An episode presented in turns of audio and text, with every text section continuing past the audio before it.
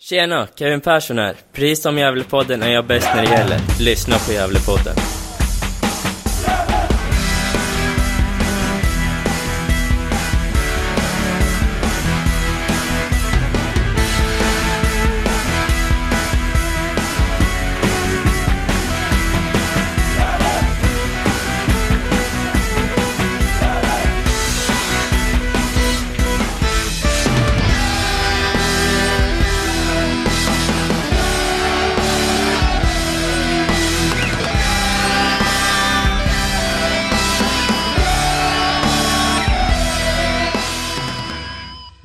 Hälsar vi er varmt välkomna till eh, Gävlepodden 284. Podden om världens finaste och vackraste idrottsförening, Gävle IF. Och eh, med det som vanligt är jag, Niklas och eh, Johan Norrström. Hur är läget?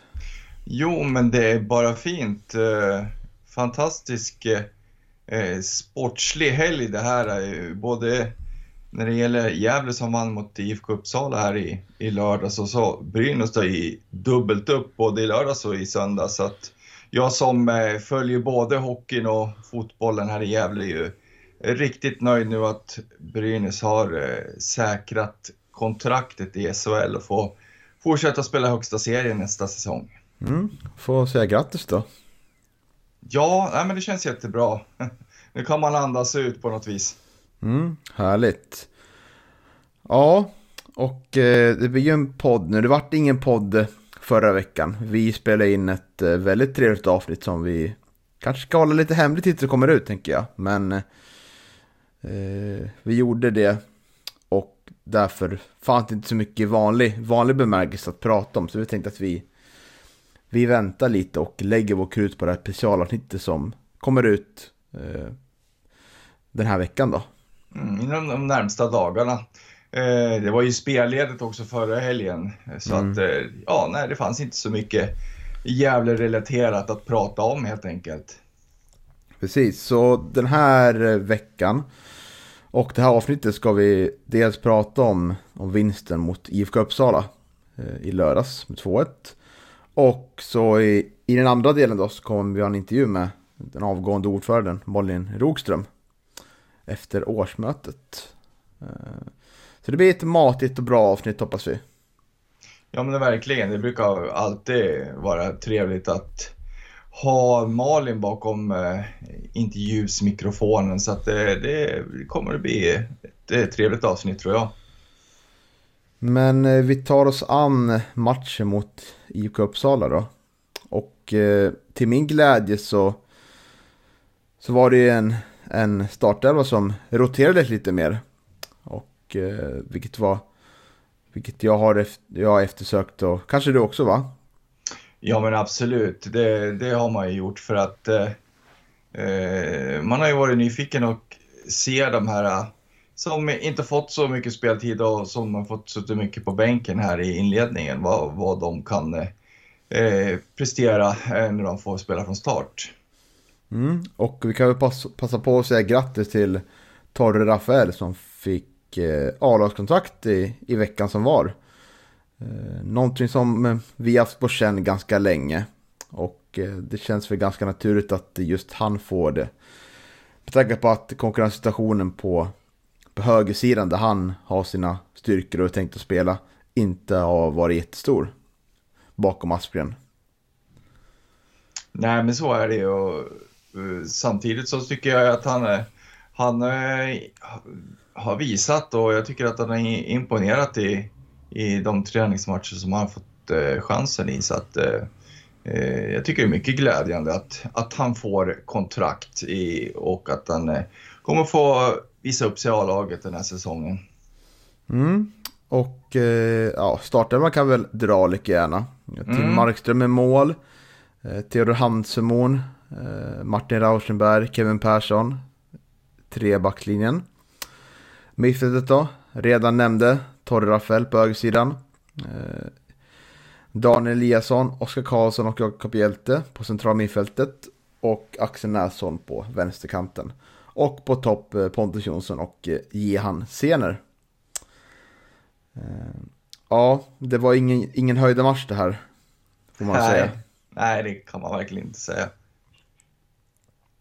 Är det något specifikt du tänker på när eh, de... Eh, ja, är det något specifikt du tänker på när, när du säger att det inte är en, är en särskilt bra match?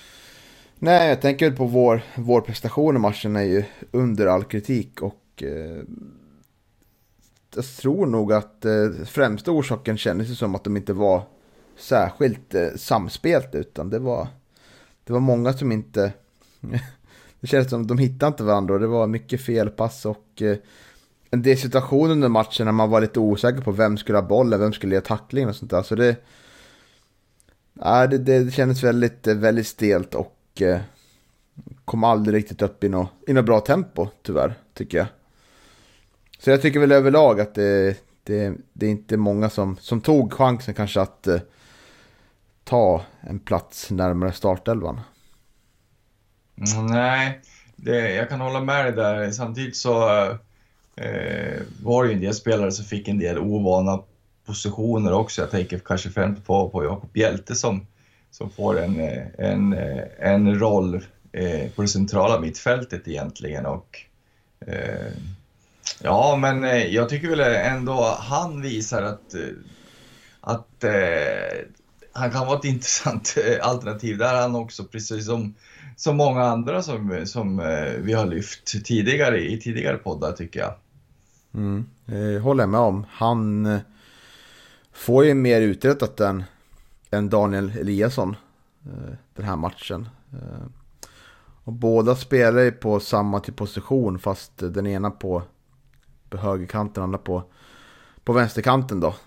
Eh, lite närmare kan de ligga där, sin, sin ytterspelare. Och eh, han är ju mer duktig Jakob Hjelte på att komma ner och söka boll och driva upp där.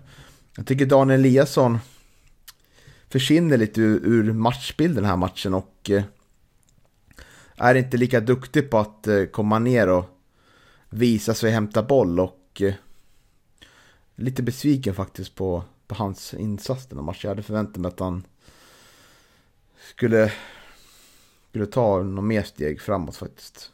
Mm. Samtidigt så, jag menar, det är ju inte...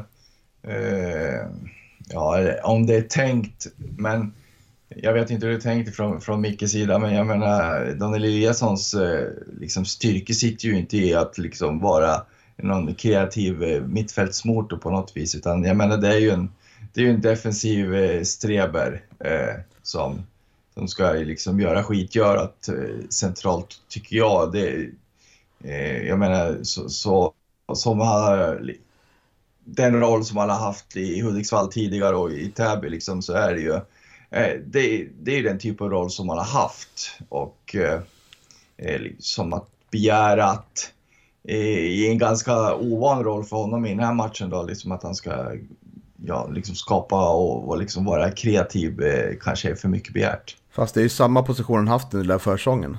Det är ingen skillnad mot den här matchen. Nej, absolut kanske det är så, men, men som sagt, jag tycker ju liksom inte att eh, eh då tycker jag att han används fel och jag tycker att man kan, kan inte ha de kraven på honom heller för att, eh, för att det, det, är ju en bollvinnare i, i, i grund och botten. En, en, en liksom grovjobbare och liksom som ska vinna boll centralt, inte kanske vara eh, liksom den, det kreativa navet centralt. Förstår du menar. Jag tänker lite att eh, som det ser ut den här första första halvleken så är det ju väldigt eh, få gånger vi verkligen får eh, kommer igenom med passningar framåt. Och då måste ju alla våra mittfältare eh, kunna visa sig och hitta ytor och sånt. Och eh, jag ställer också krav på honom när han spelar den typ av position och eh, med den här typen av fotboll vi vill spela. Att han måste kunna, kunna visa sig mer. För nu är det så att eh, i vanliga fall så har vi en defensiv mittfältare. Och det är ju Oskar Lundin. I den här matchen så är det ju det är Oskar Karlsson som får den, som får den rollen. Och Daniel Eliasson får den här lite mer framåt, eh, framåt eh, lutande rollen då, eller vad man vill benämna det. Mm. Eh, och det måste jag ändå säga, tror jag, att Micke kanske tror mer på, på Eliasson som lite längre fram. Men det kan ju mm. vara som du säger också att det kan vara så att man vill se hjälte här. Att det ska vara mer komma ner och vara kreativ, hämta boll medan man man kanske vill prova Eliasson att eh, vara lite mer närkampsspelare i mitten där. Men, men då tycker jag i alla fall i en sån här match att då, då kanske man kan skifta plats på Eliasson och Karlsson. För jag, ser Karlsson då eh, som mer eh, går ner och hämtar boll-spelare än vad Eliasson är. Mm. Samtidigt kan det ju faktiskt vara så att eh, det bör ju nämnas också att vi, det är en hel del eh, skador och sjukdomar och det, det är inte en bred bänk man har eh, i, i, i den här matchen så att det, det kan väl vara med att man kanske blir, har varit tvungen att, eh, att ställa upp som, som man gjorde nu den här, den här matchen mot IFK Uppsala. Då. Ja, ska, men ska vi ta skadeläget lite då? Mm. Sutso var inte med. Nej, precis. Han var... Eh, eh, de rapporter jag fick eh, uppe på, på läktaren eh, från, från, ja, från eh, ledarhåll då var väl att, eh, att han har dragits med sjukdomar igen. Och Ibrahim Al-Hassan? Ja, också sjukdomar. Mm. Och mm. så pratar du lite med Albin Lukangas. Ja, precis. Eh, enligt honom så, så var det väl egentligen ingen större fara utan att eh, Eh, han skulle behöva bara vila en, en här matchen och vet du, hoppades att han skulle vara igång ganska, ganska snart igen. Mm. Och eh, lite oroväckande rapporter från veckan var ju att Nils Eriksson skadad igen. Vad, hur ja. status på honom? Ja, han drog en baksida eh, lår tydligen och eh, hade väl inte kanske känt direkt sådär på träningen att, eh, att, eh, liksom, att det gjorde ont, utan att det var väl mer efteråt. Men han hade gått på kryckor dagen efter träning, men eh, han hade slängt dem dagen efter och eh, ja, kan väl inte liksom springa och kanske gå riktigt obehindrat än, men, men det, det ser bättre ut i alla fall. Mm, och Iranera satt och eh, glassade på läktaren där i solen såg jag. Så han är ju, precis som han sa i intervjun med oss, att han är inte, inte matchredan. Men man hoppas att det, det kommer bli några minuter snart. Ja, det får vi verkligen hoppas. Han var ju ute och eh, bollade lite där i, i mittcirkeln. Så, så att det, jag fick någon fråga där och jag kommer inte ihåg vem, om det var eh, Peter Bornegrim kanske som frågade. Ja, men kanske han, kanske han får några minuter idag? Nej, men det, det, det sa jag att det trodde jag inte, utan att eh, det är nog, nog vecka bort fortfarande. Ja, nej, det är lite bekymmersamt. Det var ju bara fem avbyter och eh, både Jonsson och Sene som varit utbytta fick ju komma in sen igen. Ja. Det, är, det är väl kanske inte helt optimalt. Även fast jag tycker att båda de två var ju nästan bättre i deras, deras, deras inhopp än när de spelade mest minuter från start. Eh, ja, det kanske du inte vill kommentera, det behöver du inte göra heller. Men eh, i alla fall, vårt spel överlag. Eh, vi hamnar ju i ett, ett nolligt underläge. Eh, det blir, det blir, vi blir bortgjorda lite på kanten och de skjuter ett avslut som Tim kanske bör styra bort, men det kommer i gapet på en, en spel i Uppsala så det är 0-1. Ja, precis. Och Tim är ju eh, ganska övertygad om att det var backarnas fel att, att det vart mål, men... Det brukar vara så. Eh, Ja, det brukar ju vara så. Jag kan väl kanske tycka att det är Tims fel, för jag tycker inte att man... Jag tycker inte att det där skottet är särskilt märkvärdigt och man ska, han ska definitivt inte styra den rakt ut, utan den ska ju styra åt sidan. Och det, det borde man veta när man börjar komma upp i den ansenliga åldern han är och har stått i mål så otroligt länge. Så att jag tycker att eh, den ilskan han eh, vet du, öser över sina försvarare där, tycker jag är ganska missriktad faktiskt. ja. Eh, sen har vi ett väldigt fint kvitteringsmål tycker jag, eller? Ja, det tycker jag. Mm. Det är ju Hjälte där som är inblandad både i förarbetet och sen får avslutningsläget efter eh, att eh, Aspgren har kommit in i matchen. Torre Rafael gick ut skadad också. Mm. Vet du status på honom? Nej, jag har inte hört någonting där. Eh, såg inte sådär Eh, farligt ut först, men, eh, men, men så linkar han ju av en andra gång också efter att ha kommit in där efter att ha blivit behandlad. Så Eh, ja, nej, det är lite oroande, lite tråkigt också då när, när han precis har skrivit eh, A-lagskontrakten. Mm, precis, men ett eh, som sagt väldigt fint 1-1 mål tycker jag. Eh. Ja, verkligen. Det är en fin upprullning och det var väl de få gånger de vågar slå den där raka bollen eh, genom lagdelarna på IFK Uppsalas lagdelar och de hittar hjälte där med en rak boll. Jag vet inte, är det, är det Martin Rauschenberg som slår den där, tro? Ja, upp till, till hjälte? Mm, ja, det kan, eller om det är hans mål. Någon, någon av de två i alla fall. Ja. Mm. Nej, men väldigt fint. Och sen gör ju, eh, nämnde Hansemon 2-1 på hörna också. Mm. Jag tycker Theodor gjorde, det är väl en av de som jag tycker stärker sina aktier den här matchen.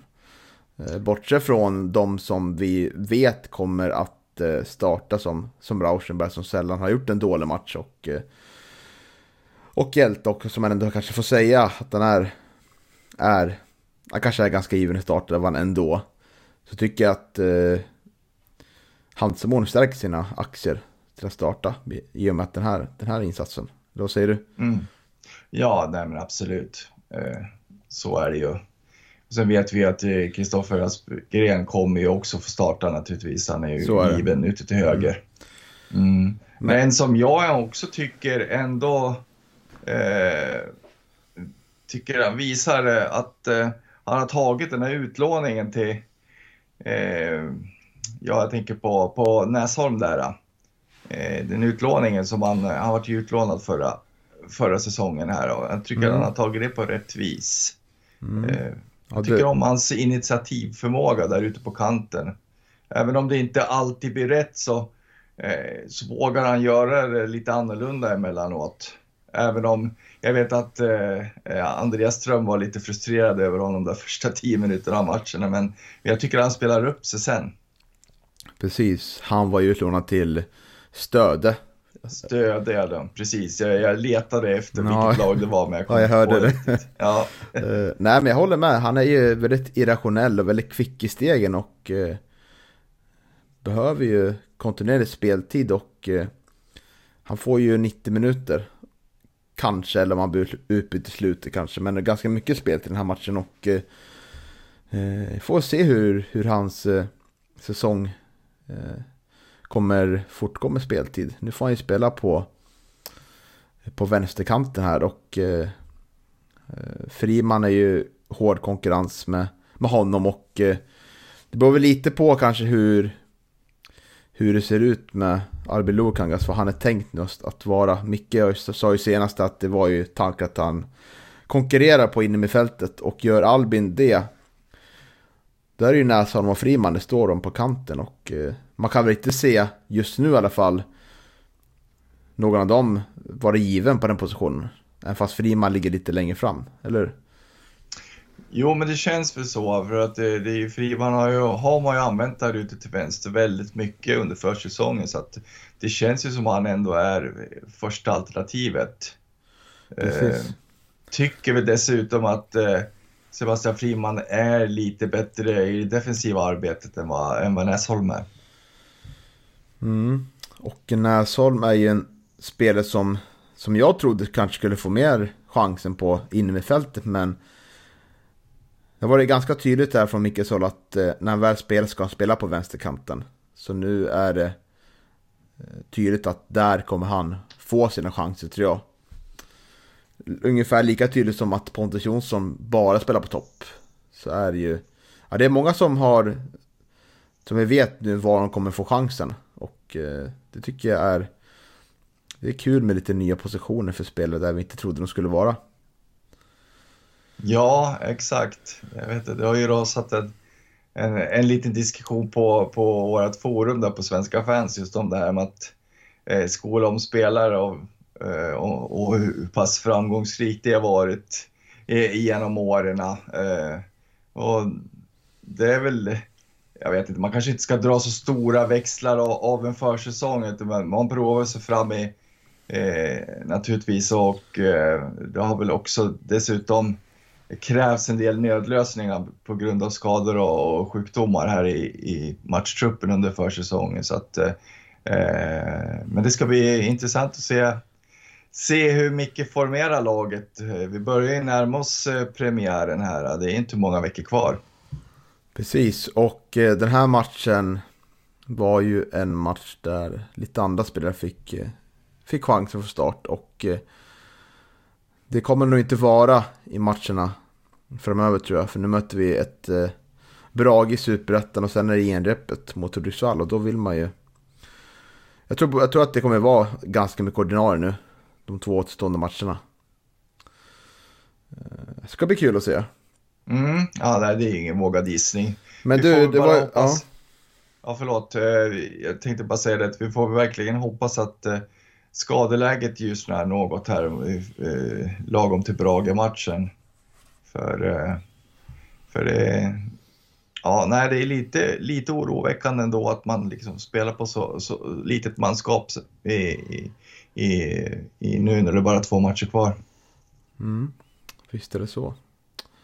Eh, jag tänkte på, det var ju några spelare som inte kanske stärkte sina aktier. Tänker på vår, vår anfallare, Gian Sen, som inte hade någon toppenmatch tycker jag. Han Eh, kom inte rätt till med boll och eh, han var väl kanske... Ja, han var ju grinig som han brukar vara, som jag har märkt nu. Så det var väl kanske inte något mer utöver det vanliga, men... Eh, nej, det var... han, han presterade inte så bra. Och det var synd, för nu fick jag chansen på där han helst vill spela på topp. Mm. Jag tycker inte att han är lika het, varken i temperament eller liksom i, i i liksom sitt, sitt agerande ute på planen i den här matchen som han har varit tidigare när han har fått chansen att spela centralt faktiskt. Utan, utan eh, nej, men han gör en ganska blek figur som, som forward i den här matchen. Det, är ju, det är lite synd, tycker jag. Kanske är han lite lidande av att, av att eh, ja, Gävle spelar ju som sagt inte bra i, varken första eller andra halvlek heller. Så att, eh, det är ju en ganska slätstruken match av Gävle överhuvudtaget. Så att han kanske kan ha blivit lite lidande av det. Mm. Och sen har vi Oskar Karlsson som inte heller har någon toppenmatch. Men jag tror att orsaken där är nog att eh, han behöver ha mer match, eh, matchspel. För att han har ju knappt spelat någonting under, under försäsongen hittills. Nej, precis. Han har ju också varit skadad och sjuk. Och det här var ju hans första match eh, på försäsongen. Han har ju han har ju suttit på sidan här under, under resterande matcher. Precis. Ja, så är det. Eh, man kan väl summera matchen att vi gör ingen toppenmatch. Eh, och det är väl ingen vidare, ingen vidare pressspel från vår sida heller tycker jag. Vi tycker han är mycket i för låg, låg press och gick Uppsala får för mycket, får för mycket tid med bollen och kan, kan vet du det, vara nära att kvittera faktiskt i, i andra halvlek. Har några farliga lägen så är det väl ingen toppenmatch. Jag får hoppas att det här var bottennappet på, på försäsongen hittills. Att det bara blir bättre från och med nu. Ja, exakt. Så med tanke på, på att det var inte det starkaste manskapet eh, från start i den här matchen och eh, man, man lyckas ju ändå vinna så att eh, det är väl ändå starkt på sätt och vis att man, att man lyckas vinna fast man inte spelar bra. Precis. Men ska vi nöja oss med det då? Ja, men det kan vi göra. Så lämnar vi över till vår intervju med Malin Rogström.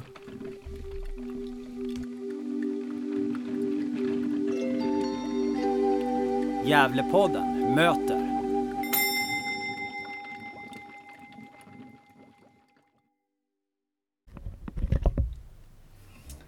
Ja, då sitter jag här med Malin eh, Rogström som eh, för ett par dagar sedan eh, avgick som ordförande. Planerat, måste man väl också säga det var, eh, som ordförande i Gävle IF. Eh, Malin hon kom till Gävle 2016 som styrelsemedlem. Och den säsongen åkte Gävle ur allsvenskan. Och juni 2017 var hon helt plötsligt tillförordnad ordförande i klubben och blev sedan vald till ordförande 2018. Sedan dess har hon suttit kvar på posten. Under den tiden har klubben också ramlat ut superettan och varit på vippen att åka ur ettan. Eh, eh, ja, det, det, det, låter lite dystert. Det låter som att det varit ganska tuffa år, eller hur Malin? Ja, ja, och när man sammanfattar det där så, så där så låter det ju dystert onekligen. Eh, så är det ju. Och det har varit eh, några riktigt tuffa år. Men också några bra år tycker jag.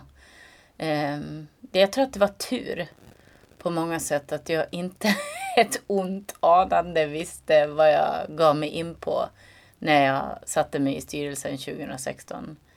Jag trodde att det var för en all, allsvensk klubb som liksom skulle utvecklas eh, på många sätt och, och vis. Och istället så blev det väldigt mycket en räddningsaktion av en förening faktiskt. Eh, åtminstone i början. Mm. Ja, det är en ganska dyster presentation men, eh, men samtidigt så finns det ju naturligtvis eh, underliggande orsaker till det. Absolut. Eh, varför tror ni att ni hamnade där?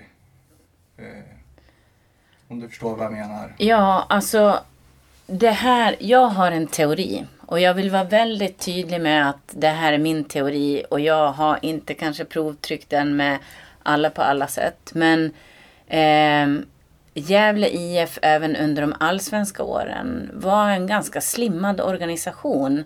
Eh, om man tittar på själva kansliet och verksamheten. Och det även om man jämför med andra klubbar som eh, fanns i allsvenskan då. Eh, i en slimmad organisation, vad händer då? Man blir väldigt beroende av några få funktioner och till och med personer. Eh, Pelle Olsson hade varit i klubben och gjort ett fantastiskt jobb, inte bara som tränare. Han hade också agerat sportchef i många år. Han hade också delvis varit involverad i ungdomsverksamheten och också eh, lite i ekonomin eh, på många sätt och vis. Så när han försvann 2015 var väl det. Och det ska man då ha i åtanke att detta år 2015 var samma år som eh, föreningen fick access till den nya arenan Gavlevallen. Och Gavlevallen uppstod ju inte bara på en vecka, puff, liksom ur betongen. Utan föreningen hade ju gjort ett jättejobb på den här lilla styrkan som hade jobbat både styrelse och kansli eh, för att liksom driva fram både idén, eh, förankra den, få till bygget av arenan och sen hela bygget och utformningen av arenan. Absolut, det fanns ju arkitekter och så vidare, men det här lilla kansliet var också väldigt involverad i hela den processen.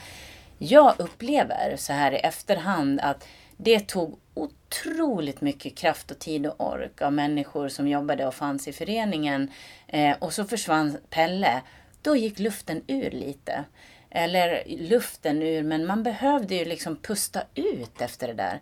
Det var en enorm kraftansträngning. Och där, det var också en skör organisation som var väldigt beroende av de här olika nyckelfunktionerna. Och strax efter Pelle så klev ju också då 2016 Eva av som hade gjort ett jättejobb som klubbchef och inte minst varit med i hela den här processen med arenabygget. Så jag tror att det sammantaget tog väldigt mycket på föreningens krafter. Eh, faktiskt. Och att det var liksom en av orsakerna sen till att det liksom hankade sig fram efter det och så var det som att på något sätt bara dra ur proppen ur ett badkar. Rup, när man åkte ur allsvenskan. Kompetens, nyckelkompetens hade försvunnit med de här personerna. Och organisationen var också sliten på grund av eh, den här stora kraftansträngningen. Det är min bild av det så här i efterhand. Mm. Jag tänker på, eh, kan det ha varit så att, eh, eh ja, jag tänker på det att eh, kraven ökade väl kanske också lite med att Eh, i, i och med flytten till, till, till Gavlevallen. Att, eh, för att klubben hade ju pratat ganska mycket om innan om att vet du, ja, vi behöver Gavlevallen, vi behöver, behöver de här faciliteterna och de här träningsmöjligheterna. Och, Eh, tror du att pressen utifrån också kanske varit lite för hög och för stor? Ja men det tror jag. Alltså förväntningarna ökade eh, på något sätt från många håll absolut också på sportsliga resultat men också på verksamheten runt omkring tänker jag som, jag menar det var ju en bärande del på Strömvallen. Där fanns sponsorerna i ett eh, litet tält och hur kunde man liksom ta hand om dem och göra upplevelsen bra. Sådana saker, alltså förväntningarna på det höjdes ju också när man väl kom till Gavlevallen. Men det var ju inte så att det var en massa fler som anställdes i organisationen. Det var ju på något sätt samma skara som jobbade med det här, men med ganska mycket ökade förväntningar. Det är tufft. Mm. Ja, eh, jag tänkte på det också. Eh, det drogs igång en Swish-kampanj där eh, 2018. Ja. Eh, Hur, hur nära var klubben konkurs egentligen? Skulle du säga? Alltså, då när vi drog igång den där Swish-kampanjen eh, 2018, för vi hade ju kört den också 2017. Eh, och 2017 gjorde det ju att det blev ganska lugnt under 2017. Men 2018 så var det ju också i kombination med att sportsliga resultaten gick inte bra. Eh, och sedermera så åkte vi också ur eh, superettan. Eh, det var nära. Vi satt i princip i förberedande förhandlingar med eh, jurister för att se hur, hur kan vi klara det här på så bra sätt som möjligt. Eh, men eh, ja, tack vare många goda krafter och liksom en rejäl kraftansträngning tillsammans och att vi fick också Ja, men vi gjorde olika åtgärder. Vissa, vi kunde fakturera vissa partners för eh, eh, vi fick också faktiskt loss eh, projektmedel från kommunen som vi kanske skulle ha fått i ett senare läge eh, att betala ut det lite tidigare. Mycket av sådana saker gjorde att eh, vi med gemensamma ansatser då räddade läget och slapp det. Eh, det var verkligen den kritiska perioden. Efter det har vi inte haft kniven på strupet på det sättet. Men då var det rätt illa ett tag. Mm, mm. Om man hoppar tillbaka lite. Du och jag pratade lite innan jag satte igång eh, bandan här om, om hur det känns nu efter, ja några dagar efter här. Nu, ja, nu är du inte ordförande i, i Gävle IF längre. Hur, hur känns det? Nej men det känns eh, jättedubbelt. Även om det här är liksom ett väldigt välgrundat beslut eh, från min egen sida.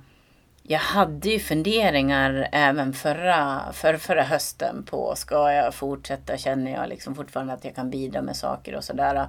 Eh, och nu var det verkligen så att i början av december så meddelade jag valberedning och styrelsen att nu, ja, vid årsmötet så då kliver jag av. Eh, och det var liksom många olika anledningar för mig, bakom det eh, för min del. Men hur den här veckan har känts ärligt talat jättekonstig. det är väldigt dubbla känslor. Jag älskar den här föreningen och jag har lärt känna så mycket människor runt föreningen. Och jag är så glad och stolt över mycket av det som föreningen gör och har i sin verksamhet. Så hjärtat klappar ju jättestarkt för det här. Det blir på något sätt som att liksom lite eh, tvingas tända av för jag kan ju inte vara inblandad i allt och jag ska inte vara det heller eh, längre. Och det är klart att det finns en liten sorg i det. Även om det är jag själv som liksom har kommit fram till det här beslutet att nu är det så här. Men jag tror att det, det jag vet ju också, det är det som också är blandat, det kommer bli jättebra. Eh, jag tycker Gabriel är liksom en fantastisk person och en väldigt, väldigt bra ledare på många sätt och vis. Och han har egenskaper som kanske inte jag har. Han, han har med sig också erfarenheten in från att ha drivit mer affärsmässig, affärsmässig verksamhet och bolag. Det tror jag verkligen kan berika föreningen i det här läget. Och det gör mig liksom glad och jag känner att framtiden är ljus på många sätt eh, för Gävle IF. Jag tycker också blandningen som han har fått till nu i styrelsen med eh, en kärna där några har suttit länge, några har suttit lite mindre länge men har ändå suttit med med fyra nya krafter som alla har väldigt bra kompetenser och kommer kunna bidra på olika sätt. Det gör att jag känner mig glad och också lugn och trygg i att lämna över. Eh, och det känns ju skönt att få lämna över något som inte är liksom fullständig kaos på fallrepet utan en organisation där det finns bra människor på nyckelpositioner med rätt kompetens. Där det känns som att det är en helt annan harmoni i verksamheten också. Och fokus både hos dam och herrar på liksom sportsliga resultat och där grupperna är väl fungerande, fungerande. Så i den aspekten känns det bra. Men det är också blandat med en slags sorg för min egen del. Jag har, om inte så kanske älskat varje stund av det. Det är inte kul att sitta med jurister och titta förberedande på hur förbereder vi oss för en eventuell konkurs. Det är klart att det inte är. Det är tuffa lägen. Men till det allra största så har det här berikat mitt liv på många sätt och lärt mig otroligt mycket om saker. Det har varit en fantastisk resa att få vara med på. Så det är också en sorg i det, att lämna. Jag förstår det. Hur kommer ditt engagemang se ut nu då för, för Gävle efter det här nu? Nu när du liksom inte är ordförande men, Ja, men jag kan tänka mig ändå att vi kommer inte släppa Gävle helt. nej, jag kommer definitivt vara på läktaren och jag kommer, även om jag har försökt så många gånger och sagt till mig själv, nu ska jag vara tyst, jag ska inte eh, Eh, ropa någonting den här matchen. Så går det inte. Jag dras med och det kommer jag fortsätta göra. Så pass bra eh, har jag lärt känna mig själv nu så jag förstår att det är ingen idé att jag försöker vara tyst. Eh, men sen eh, på den seriösa sidan kan man väl säga att nej, men mitt fokus blir ju nu att göra en så bra möj- eh, överlämning som möjligt till Gabriel. Vi ska träffas första gången nästa vecka eh, och börja gå igenom saker och det kommer vara flera träffar vi har för att ja, men sätta honom in i saker och förklara vissa saker och sådär. Sen kommer jag också finnas kvar eh, under en övergångsperiod i styrgruppen för ett bättre Gävle. Eh, och jag kommer vara inblandad i ja, men vissa eh, aktiviteter som man kör inom ramen för bet- ett bättre Gävle.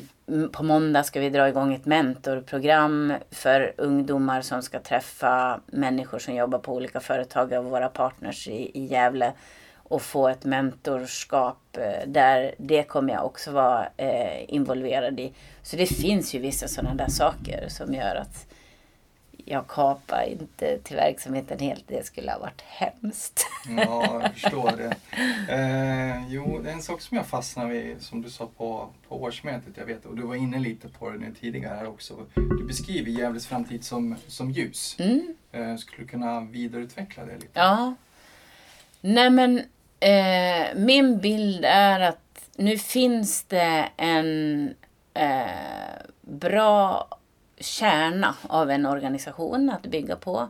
Det har varit en väldigt viktig nyckelrekrytering i att Daniel Kraft kommer in som klubbchef. Det jag ser av Daniel och hur han hanterar alla liksom komplexa frågor som man kan få i knät som en klubbchef eh, för en sån här förening är helt fantastiskt. Jag tycker han har kommit in i verksamheten på ett jätte, jätte, jättebra sätt eh, eh, och leder den på ett förtroendeingivande, relationsbyggande eh, och bra sätt. Eh, det är liksom en viktig del av det. Runt honom finns också en kärna av människor där vissa har varit med och jobbat under svåra situationer, kan verksamheten väldigt väl. I verksamheten finns en sån kulturbärare som Sassa som har varit med länge. Eh, eh vet och kan mycket små men avgörande saker eh, kring föreningen. Det finns också nytillskott i form av att vi faktiskt har en akademiansvarig nu som är anställd, inte bara arvoderad. Eh, eh, så det i kombination också med den nya styrelsen gör att jag känner att, att framtiden är ljus. Jag tror också att det är betydelsefullt för föreningen att vi gjorde en stor ompaketering av det här med ett bättre Gävle. Eh, som giffare så har man alltid väldigt stort hjärta och vill göra mycket för många. Vi har en historia av att ha gått väldigt mycket på hjärtat och kanske gjort för mycket. Vi kanske till viss del har liksom lovat runt men hållit tunt. Nu har vi via paketeringen i ett bättre Gävle hittat en modell där vi kan eh, lova saker och hålla dem och göra dem och faktiskt göra dem riktigt bra. Det gör också att jag ser en positiv effekt på marknadssidan. Och det är viktigt för en förening som Gävle IF.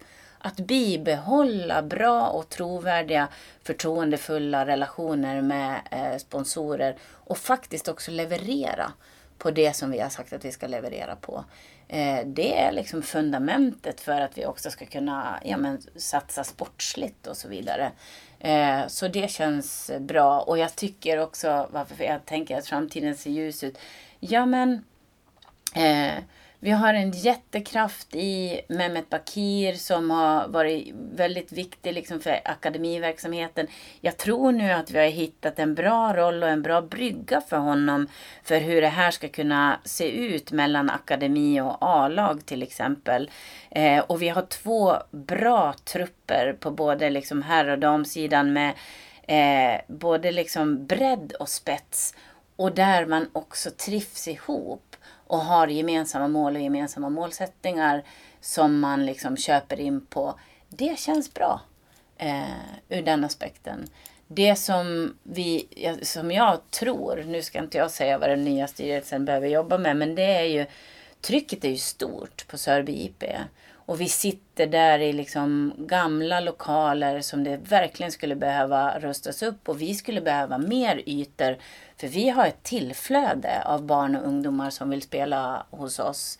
Och vi vill ju inte säga nej till någon som inte har ett lag eh, som redan fungerar i Sätra eller på andra ställen.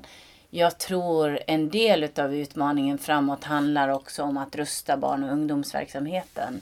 Eh, så att den blir också mer stabil. Med det sagt vill jag inte säga att Anders Berg till exempel gör ett dåligt jobb. Tvärtom. Han gör allt vad han kan och lite till.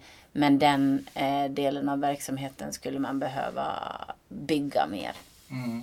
Ja, du svarar ju lite på den frågan. Just för jag tänkte bara, vad blir eh, den nya styrelsens stora utmaning, tror du? Mm. Är det ungdomssidan? Ja, det tror jag.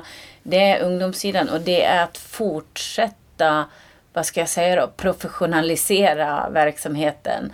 Att jobba liksom på den inslagna vägen och framförallt öka intäktsmöjligheterna. Allt ifrån att vi lyckas locka tillbaka publik till våra läktare eh, fysiskt på plats på matcherna efter en pandemi. Eh, men också alla marknadskontakter och andra möjligheter som finns för att, att ta in intäkter. Och jag tycker där har det kommit ett väldigt kul, spännande, bra initiativ eh, som kommer ifrån några GIF-entusiaster som ordnar en kupp nu i sommar eh, för barn och ungdomar. Det är ett, en sån grej. Det ska bli jättespännande att se vad det tar vägen. Något som kan skapa glädje och liksom fotbollsnytta i Gävle med omnejd men samtidigt också bli intäktsbärande på något sätt. Mm, jag håller med. Jag har faktiskt saknat en fotbollscup i, i Gävle sedan Coca-Cola Cup. Som, mm. eh, ja, jag spelade den själv som, som aktiv när jag var ung och så. Och jag vet att den, ja, den följde ju med ända upp tills liksom i, när man var i seniorålder själv och, och man ja. hjälpte till och sådär under somrarna. Så att, Ja, för den var ju väldigt uppskattad. Det är så många som pratar om den. Mm. Och ja, men i, bästa, i den bästa av världar så lyckas vi återetablera det nu då tack vare de här människornas initiativ. Eh, det är deras initiativ men de gör det ju i nära samarbete med föreningen Gävle IF. Superbra! Så tacksam över det. Det ska bli jättespännande att se vad som händer där. Mm, ja, det låter jättekul. Intressant. Eh, jag vad har du varit mest nöjd med under de här åren som, som ordförande? Oj, vilken svår fråga. Vad är jag mest nöjd Du får ju naturligtvis säga flera saker också. Ja. Eh. Ja, men en sak som jag är, är glad och nöjd med, det är nog faktiskt styrelsearbetet. Eh, att vi i, i styrelsen har tagit oss ut ur träsket. För jag menar när det är kris i en organisation och det finns liksom en liten slimmad andel av, av eh, fast anställda som jobbar. Det är klart att det finns risk att styrelsen också dras in i väldigt mycket brandkårsutryckningar och brandsläckning. Och så har det varit. Men jag tycker också att vi har gjort ett arbete där vi också har varit måna om jobbar jobba just med utvecklingsfrågor och ta oss framåt för att bygga organisation och för att också bygga eh, ett mer offensivt marknadsarbete. Det är viktigt eh, och det har varit bra också. Eh, och jag tycker vi har också fått en styrelse som där man kan ha, ha mycket olika åsikter, eh, eh, olika diskussioner, olika perspektiv. Men när vi har fattat beslut så har vi liksom gått ut och backat varandra tillsammans. Eh, och där tycker jag också, där trycktestades styrelsen, i alla fall som jag ser under, eh, utifrån mitt, mitt perspektiv när vi hade hela den här jättejobbiga situationen kring eh, den damtränare som vi tog in för några år sedan och det blev liksom väldigt sårigt och snårigt och den där diskussionen skulle på något sätt föras också offentligt via media. Eh, hade inte jag haft eh, styrelsen och, och liksom vi haft varandra då eh, och att jag kände liksom att jag har dem i ryggen och de är med mig och kan liksom eh, trösta och utmana och, och stötta upp liksom eh, på olika sätt det, då, då kan man rätt, lätt förgöras av en sån där situation. Så det tycker jag också har varit väldigt betydelsefullt faktiskt på många sätt. Och det innebär inte att det är någon sekt på något sätt. Det innebär att vi är liksom medmänniskor och bryr oss om varandra. Och att man sen också kan gå ut med liksom trygghet och veta att nu är det det här beslutet. Det skapar också trygghet i organisationen när man får höra samma sak ifrån eh, varje styrelsemedlem. Det blir tydligt att ja, men nu är det det här som gäller. Eh, det tror jag har varit betydelsefullt och viktigt faktiskt. Eh, eh, och sen är jag nöjd med, alltså nöjd, det, det, är liksom inte alls min försorg på något sätt men eh, många eh, rekryteringar av de som har kommit in på olika nyckelfunktioner. Jag är jätteglad att vi har, har hittat och, och fått haft kvar eh, och värna den kompetensen. Det kan ha både med fotbollskompetens och nu senast in som Daniel, Daniel Kraft. Då. Det tror jag är liksom en jätteviktig del för föreningen framåt. Att hitta rätt där. Eh, så. Eh, och jag är nöjd att vi inte trillade ur division 1 med herrarna det är, det är liksom en av mina härligaste stunder. Det är ett lyckorus utan dess like. Den där hemska matchen i Sollentuna i november. Som, där, på många sätt så kan jag se liksom att där vände det ordentligt eh, faktiskt. Det, det var på så sätt betydelsefullt. Sen var ju det lagets insats. Det hade ju inte jag så mycket med att göra. Men mm. Nej, men jag är också nöjd med att vi har jobbat faktiskt väldigt mycket med kulturen. Eh, I hur, hur bemöter vi varandra? Vad säger vi till varandra? Oavsett om du är tränare för ett P9 och kommer in på kansliet så ska du känna dig välkommen här. Eh, jag tycker också vi har liksom rivit en del av murarna och barriärerna mellan dam och herrlag och seniorlagen och akademin. Att vi hejar på varandra, vi bryr oss om varandra, vi tar hand om varandra. Eh, där tycker jag att vi har gjort en förflyttning som kollektiv och det är viktigt. Man ska ju liksom trivas tillsammans och känna verkligen att man är en del av gänget. Det, det är jag nöjd med. Mm. Mm. Eh, vad är du mindre nöjd med då? Det är ju liksom en, eh, en naturlig följdfråga då kanske. Ja. Ja, jag en sak som på något sätt skaver i mig är ju att vi bara fick ett halvår tillsammans med Poya Asbaghi. Jag tycker att det hade varit jättespännande att se vad som hade hänt om han hade varit kvar hos oss. Ehm, vi försökte allt vad vi kunde tills vi inte kunde försöka mer. Eh, så. Men jag är också lite nöjd när det gäller det. För jag tror att vi var liksom en av de första föreningar som faktiskt fick betalt på en tränarövergång.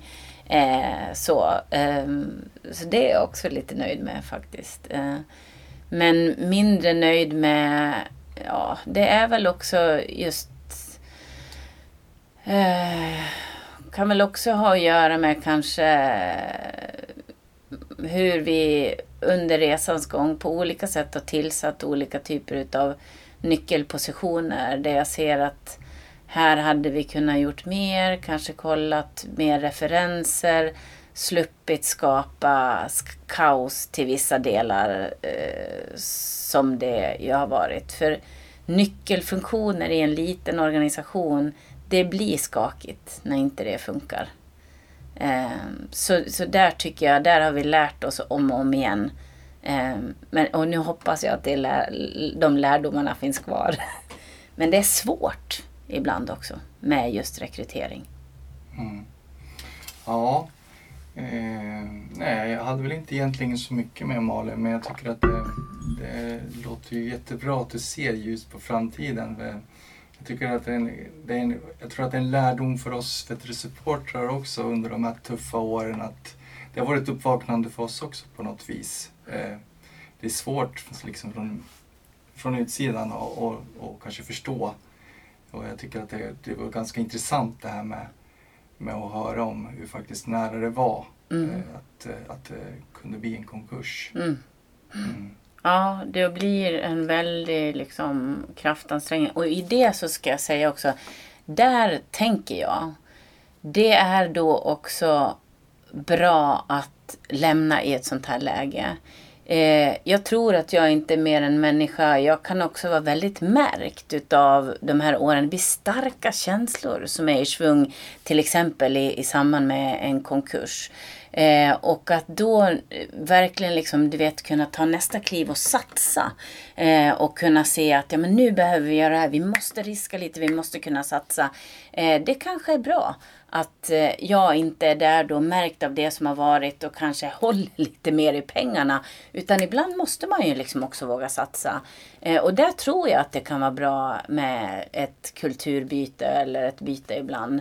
Och jag tror att det, den, den tidpunkten är bra nu. Den, den är här för GIFs räkning. Så därför så ser jag också just på framtiden faktiskt. Mm. Ja, en slutlig fråga, jag tänkte på det också, för jag vet att du rörde du var inne och rörde vid, vid ämnet. Jag tänkte på eh, Gabriel Edelbrock, då, vad har du för tankar om honom? Om du skulle presentera honom lite för oss som, Ja. som inte vet vem det är. Nej men eh, jag har ju suttit i eh, styrgruppen för ett bättre Gävle tillsammans med Gabriel för han har ju varit en av våra huvudpartners eh, när, på Atea eh, där han jobbade tidigare. Eh, så min bild av Gabriel är att han är en värderingsstyrd person, eh, en mogen ledare skulle jag säga som verkligen förstår vikten av både kommunikation och att skapa goda relationer. Jag tycker mig också ha sett, men det här kan säkert andra utvärdera bättre, att han har sinne för affärer. Jag tror inte att han skulle bli VD för Fiberdata annars. Det är den, slutsatsen jag drar till exempel. Eh, och han har ett genuint intresse eh, för den här verksamheten och ett stort hjärta för den. Det har jag också sett i styrgruppen för ett bättre Gävle. Och han är ju jätteidrottsintresserad. och går ju både på fotbolls och hockeymatcher och så. Så många av, av de ingredienserna som behövs eh, har han. Eh, jag tror verkligen att han har kapaciteten att leda den här eh, föreningen framåt på en jättespännande utvecklingsresa. Det tror jag. Jag tycker det, för mig känns det superbra att få överlämna till just en sån som han. Du lämnar klubben i trygga händer. Ja, det känner jag verkligen. Jag känner verkligen att jag lämnar klubben i trygga händer.